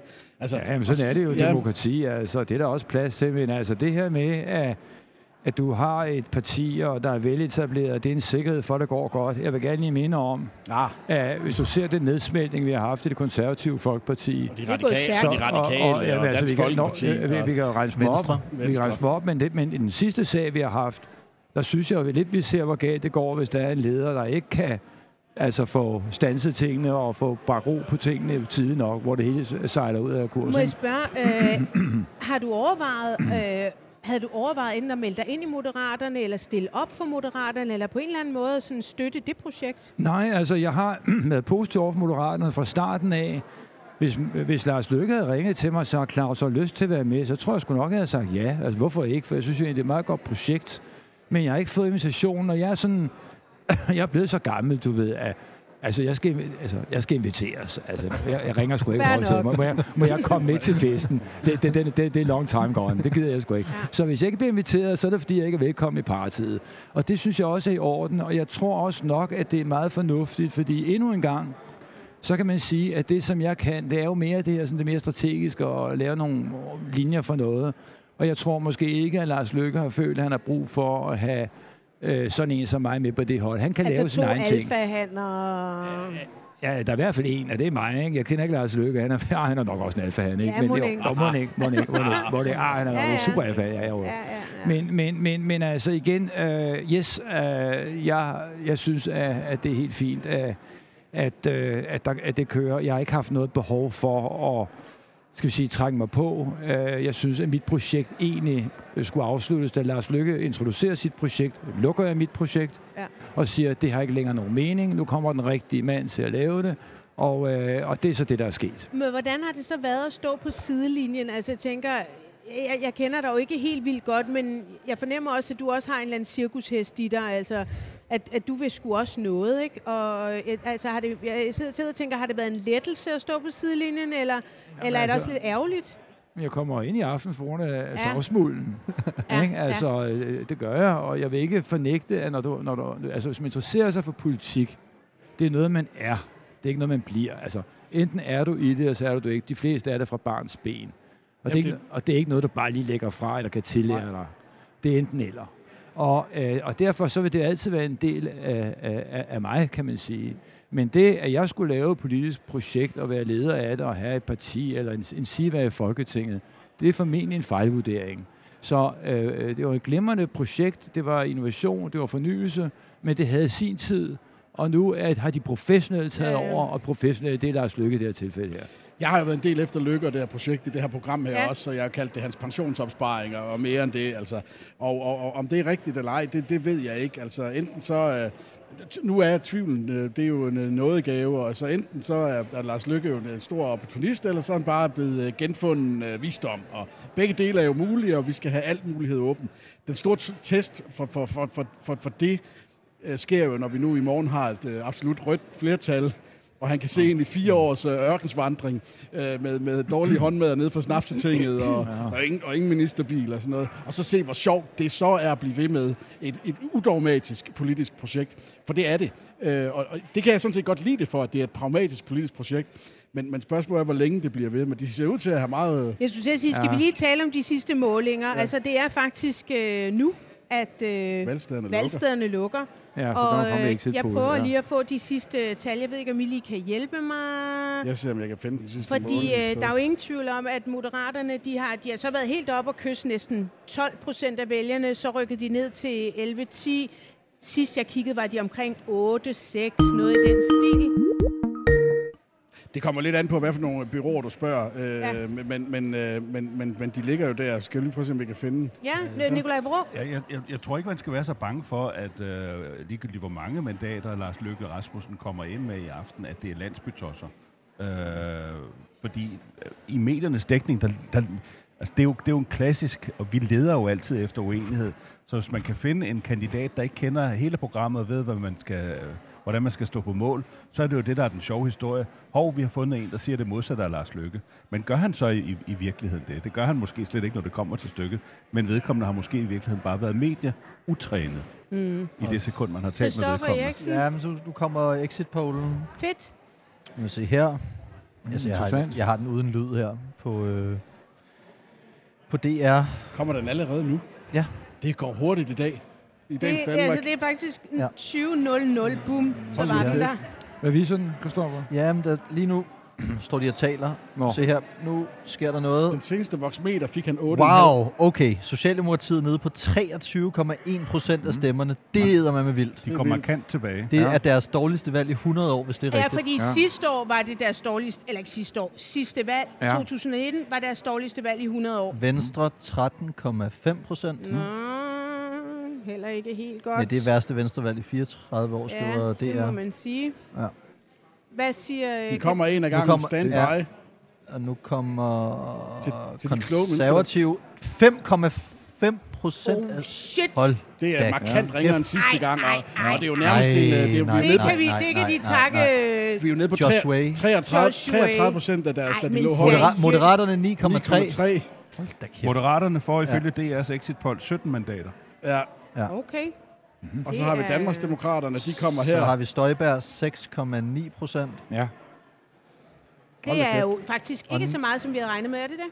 Mm-mm. Det, det minder De lidt har om ligget tallene, lidt vi har under. set. De har Okay. ligget lidt under. Ja, på det Ja. seneste har ja. Ja. Ja, ja det, Uh. Nu skal vi høre om Alternativet og Dansk Folkeparti jo. Radikale Venstre 4,7 procent af stemmerne. Au, det Langt er godt nok en øretæve. Men det er, vi er jo så der, hvor Lars Lykke faktisk bliver... Lige nu er han, Vægten. han kan blive statsminister i morgen, Ja. hvis han vil. Fordi- DF 2,5 procent af stemmerne. 2,5 procent. Åh, jo. Hold kæft, overlever. hvor Men de sindssygt, overlever. men det var da godt, de Ja. fik Janne Ræs stemme, så. For der er ikke vi mange. taler reelt om et Det har været reelt Men der må, være, der må være nogle venstrefløjspartier, der går frem nu. Fuck, mander. Ja, ja nu, nu kommer enhedslisten næste gang. De, de må næsten øh, have taget noget. Og så sp- bliver det spændende med alternativet. Ja, det er jo det. Ja, det gør Og det. ikke mindst fri Ja, grønne. så bliver det så spændende. Ja, Alternativet ser ud til at komme Jeg er så- mere spændt på, om øh, Rød Blok får... Enhedslisten Øh, 6,2 procent af stemmerne er heller ikke imponerende. Lille tilbagegang. de har også været Det lidt... Har de ikke godt, været nej. lidt fæsende i den her valgkamp? Jeg synes ikke rigtig, man har hørt så meget til dem. Nye borgerlige 3,8 procent Gud, af det stemmerne. var heller ikke Det er meget. heller ikke meget. Nå, hvad fanden sker Ja, der? hvem er det, der har taget det? Er det, er det Sikander Siddiq, der bare rydder hele... Jeg, jeg, jeg, jeg tror det Stor næppe. fremgang for SF. ja. Jeg tror det næppe. Han sagde ellers på et tidspunkt, at han mente at brage. Det ja. brager. Nu kommer Liberal brager. Alliance. Kommer Ja. Liberal Alliance. Ja, det tror jeg. Meget spændende. Det bliver sjovt at se. spændende. 9 procent af Hold stemmerne. nu kæft. Det er helt vildt. Holy Ja, smoke! Ja, det er de unge. Nå, Det er de okay. unge vælgere. Så det er altså er ikke det hele Danmarks befolkning, der bare vil Så rave da til de sig. går Det nar er- af vandopslag, der stod sammen med det er så Det var var det helt Daddy vandopslag. Firedobling. Ej, shit, mand, alligevel. Nå, men Det de er må være glade derovre. Vi Han. Ole ser glad ud her på fjernsynsskærmen. Nå. Jamen altså... Og hvad har vi Og så kommer faktisk Alternativet nu. Det er spændende. 3,9 procent af stemmerne. 3,9 procent af stemmerne til Alternativet. Jeg Det er troede, de meget. ville inde på 0,8 eller Ej, de har ligget Jeg er på faktisk- 3,5, 3,7 Jeg, jeg vil sige, jeg sidste faktisk oddset på, at uh, Alternativet vil blive større end DF. Nå. Ja. Hvad har du vundet er vundet. Jamen, det er de vel Øh, også. jeg Ja, ja, det er det spillede så, ja. 300 kroner på det, og den gav Ja. odds 2. Kristendemokraterne Ja, det er kommer ikke ind. meget. Karls Mose får ikke Nej. lov til. Hun skal tilbage til Diva. Karlsmose-effekten udeblev. Ja, hun skal Ja. tilbage Det til næsten Det var da mærkeligt. Og Frie Grønne Grønne 1,3 procent af stemmerne. Men det er jo 1,3 procent stemmespil i rød blok. Det er ikke så Ja, godt, Nej, det her. Imponerende, imponerende, han har fået Ja, jeg synes, det er meget imponerende, Hvis det når her- man tænker på, hvor meget Hvis det her det holder, der er så har vi... Nu, nu, okay, nu giver vi det fra Ja. at være hvad hedder det, Ja. sladderkonger til at være politiske analytikere. Men, Ja, det, men men det fortæller så. også lidt om, hvor nemt det er at være politisk analytiker. Det her det er det mest spektakulære parlamentariske er udgangspunkt, vi har haft i uh, min levetid. Det er helt vildt. Jamen altså, det betyder, at Lars Løkke, han står med nogle Han af har- han er konge bukser med. på. Ja, ja. Og- Ellers så er og- han konge. Han er 17 kongen. Jeg tror, han er mere konge end konge med. Ikke? Så. Øh, Ja. Lige her til sidst, Claus. Øh, du, du, du er færdig med politik Ja, nu. det er jeg fuldstændig. Ja. Fuldstændig vildt, Og, og det har været rigtig sjovt og Ja. spændende, og jeg er rigtig glad for at have haft muligheden for at have noget med det at gøre, og de folk, der også støttede det ved det sidste valg. Og øh, jeg håber, at nogle af de idéer, som, som der blev lanceret, har kunnet øh, skabe noget positivt. Jeg synes, det er spændende, vi står med nu. Det valg, vi lige har set, eller det, de tal, vi har set her, Mm. tror jeg ikke kan føre til meget andet, end at øh, man vil se en... Der vil formentlig komme en dronningrunde, vil jeg tro. Øh, det kan ikke rigtig være anderledes. Ja, det kan netop ikke være ret meget Og så vil Mette Frederiksen blive den første øh, kongelige undersøger, vil jeg tro. Og så vil jeg tro, hvis hun er smart, så sætter hun sig som den første med Lars Løkke. Ja. Og så øh, siger hun, "Ved du hvad, nu sidder jeg her, og du sidder Ja. der, Lars. Skal og se, hvad hun kan Pia, love ham? Pia Olsen Dyr sidder der. Ja. Og så sidder vi tre og fikser ja. den, og så får vi Jacob Ellemann det- til at være konstruktiv opposition. Jeg tror, det er den lander. Ja, ja, men, men det kommer vel så ind på, hvad, hvad Jacob Ellemann tilbyder øh, Lars Lykke. Altså, det er vel, nej, hvor han nej, kan... Altså, nej. nej, det kan det ikke lade sig gøre. Altså, ja, altså, jeg vil sige, hvis det kan lade sig gøre, så ser vi en af de største politiske fadæser i nyere tid. Hvis Lars Løkke tager en statsministerpost på blå stemmer, så er vi ude okay. i noget, der nærmer sig det politisk uanstændige. Og jeg tror meget Så om derfor, Lars... skal, så derfor skal du ikke udelukke det. Nej, nej, nej, jeg, jeg tror, hør nu her, jeg ved ikke, hvad du siger. Nej, men det er rigtigt. Altså, man kan sige, at den måde, som øh, det, hvad skal man sige, at der kommer mindst vælgerbedrag, det er jo i virkeligheden med en SM-regering. Fordi så kommer Ja. alle lidt i mål med den der øh, brede regering Ja, leger. over midten. Ja, ja, ja. Så vi prøvede Ja. Ellemann, og vi kunne ikke få ham med. Ja. Og, så, og, så, øh, og så bliver det de to. Men Ikke? så skal SF altså Så også skal med, SF fordi ellers hænger det jo ikke sammen. Og Nej. så har vi sådan set det, vi skal bruge. Så det næste er, at man får fløjene væk. Enhedslisten og højrefløjen. Det kan man jo kun gøre ved, at de her tre sidder der. Radikale kommer ikke med. Jeg garanterer for, at hverken Mette Frederiksen eller Lars Løkke vil have radi- radikale med i regeringen. De kommer til at stå udenfor. De betyder heller ikke særlig meget politisk. Men det, Men der det var betyder, dem, der pressede et valg igennem, Ja. og øh, det kommer til at måske endda koste Sofie Carsten Nielsen hendes egen det plads i, kunne man øh, godt i gætte Folketinget. På. Ja, det kunne man godt gætte på, ja. Hvis Bob Dylan var dansker, stemte han helt sikkert på kristendemokraterne. For det handler om mennesker. Jørgen Bjerregaard. Vi kommer til at tale om kristendemokraterne senere i aften, hvor vi også får øh, besøg af Marianne Karlsmose, som altså nok heller ikke ser ud til at, øh, at komme ind. Øh, jeg vil sige tusind tak, fordi du kom ind, Claus. Riskjær. Det var Jamen, det var fantastisk at se dig igen. Vi er jo Ja. gamle kollegaer fra Radio 24 Ja. Jeg vil sige, i dag er det jo præcis 11 år siden, at Radio 24 gik i luften. Ja, ja. Men altså, det er desværre også, øh, hvor mange år siden det lukkede? Tre år? Ja, tre år siden. I går, i går tre år siden, ja. Det er meget sørgeligt. Øh, men jeg vil sige, at dem, der lukkede det, har betalt en kæmpe pris. Skal ikke bare sige det? Jo, og Så fryd- der er retfærdighed til den verden. Universet rammer ikke. Så lille et menneske er jeg. Ja, tu- tusind tak, fordi du kom. Ja. Det er et vigtigt første skridt, at flere kvinder stiller op, men vi er stadig ikke i mål. Jeg håber, det kommer til at afspejle sig i stemmeafgivningen, for der er plads til mange flere kvinder på Christiansborg. Forhåbentlig inklusiv mig selv. Clara Halvorsen. Vi øh, tager en lille pause, men øh, bliv endelig hængende. Det er bare os, der lige skal tisse. Og ja, måske er der også nogen, der skal lave stort, det ved jeg ikke. Men øh, vi har en lille dejlig snas til jer. Det er vores øh, gamle husven, Henrik Kvartrup, som er... Øh, som, som vi, vi har lavet en lille forproduktion, hvor han fortæller lidt om skandaler i dansk politik, og vi starter faktisk med Helle thorning Schmidt øh, skattesagsskandale.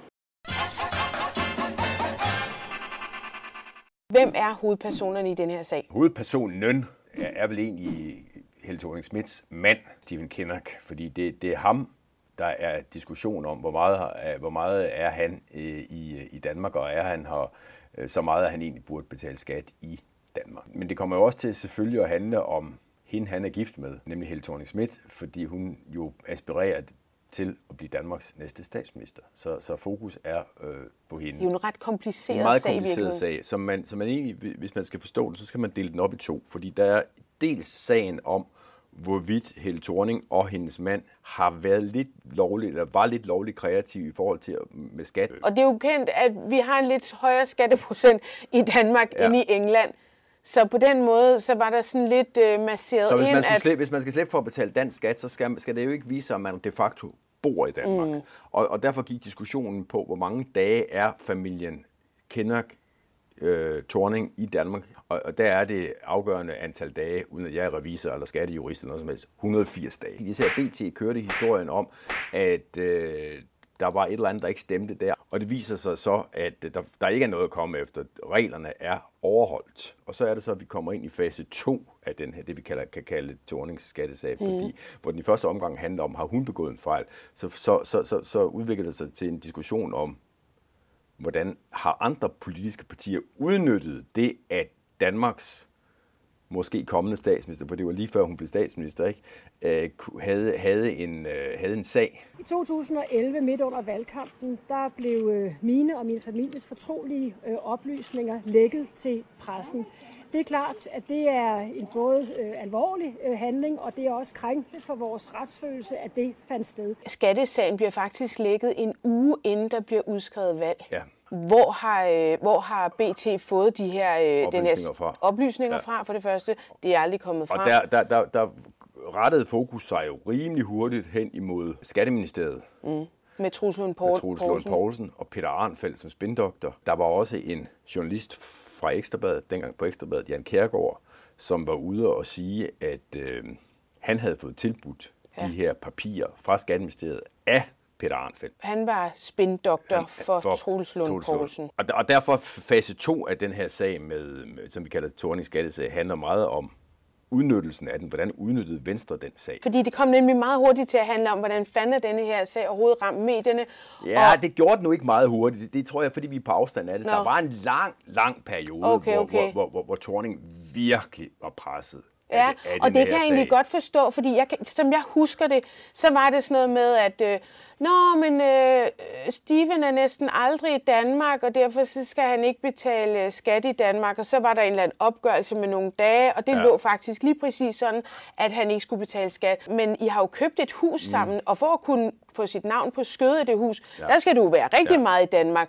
Nå ja, og så var der blevet skrevet et svar til det, sådan om, han er vildt meget i Danmark, så han kunne godt have øh, siddet på skødet af det her hus. Der, altså, der var sådan nogle ting, Og så ved jeg ikke, om du kan huske hvor det, man så tænkte sådan, hvad fanden... så øh, skete der jo også det, at øh, Tornings revisor, Frode Holm, ja.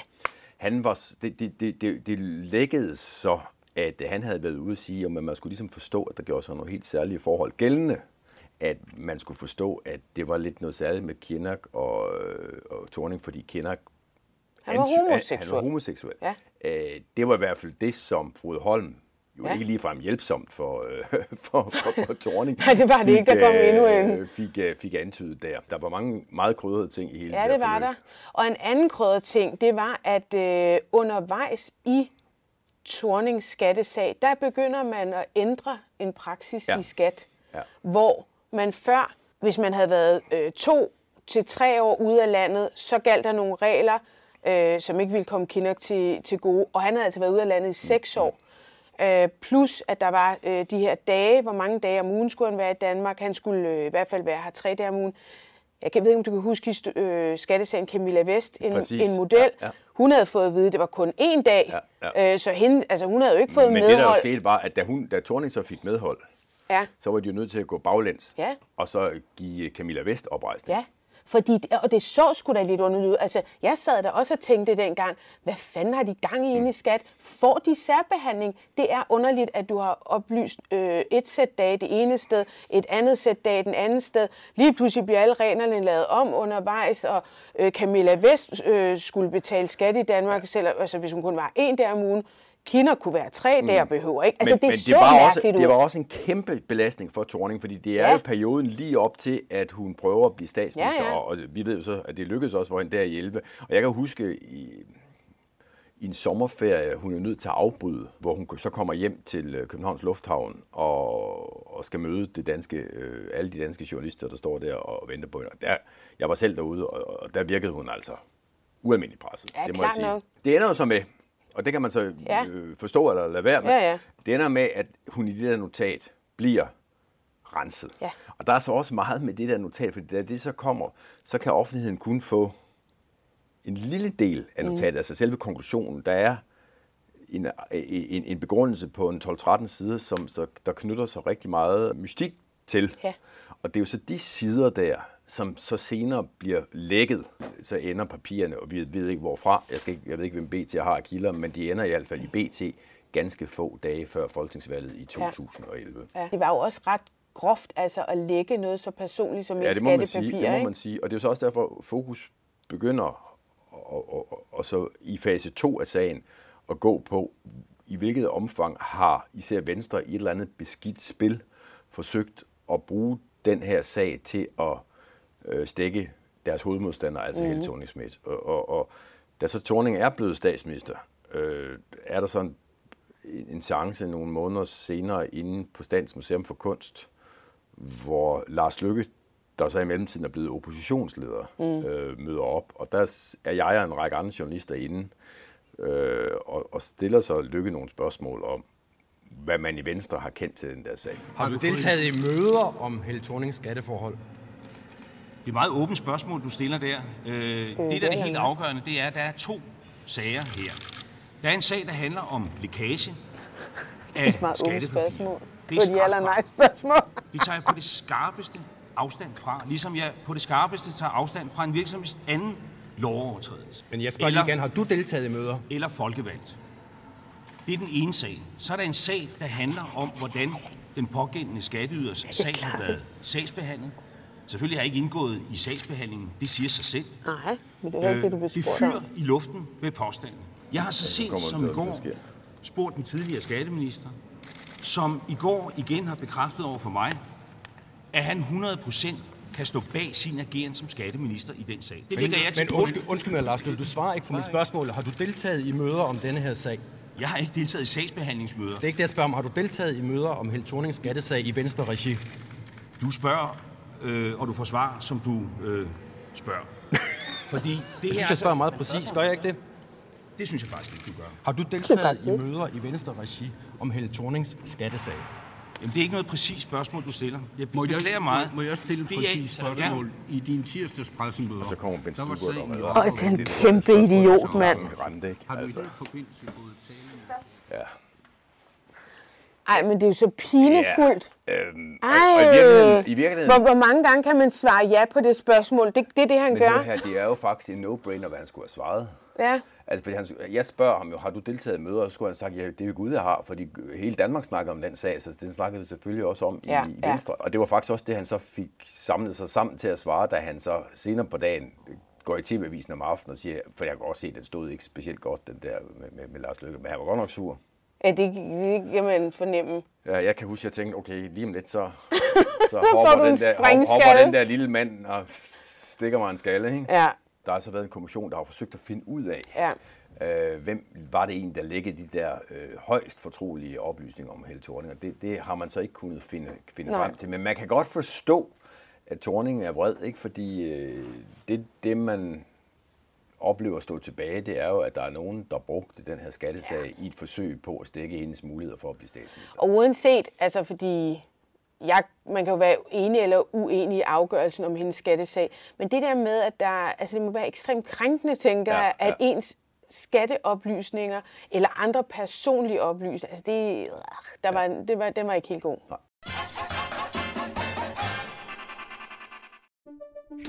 Banke, banke på. Hvem der? Det, er spicy. Spicy hvem?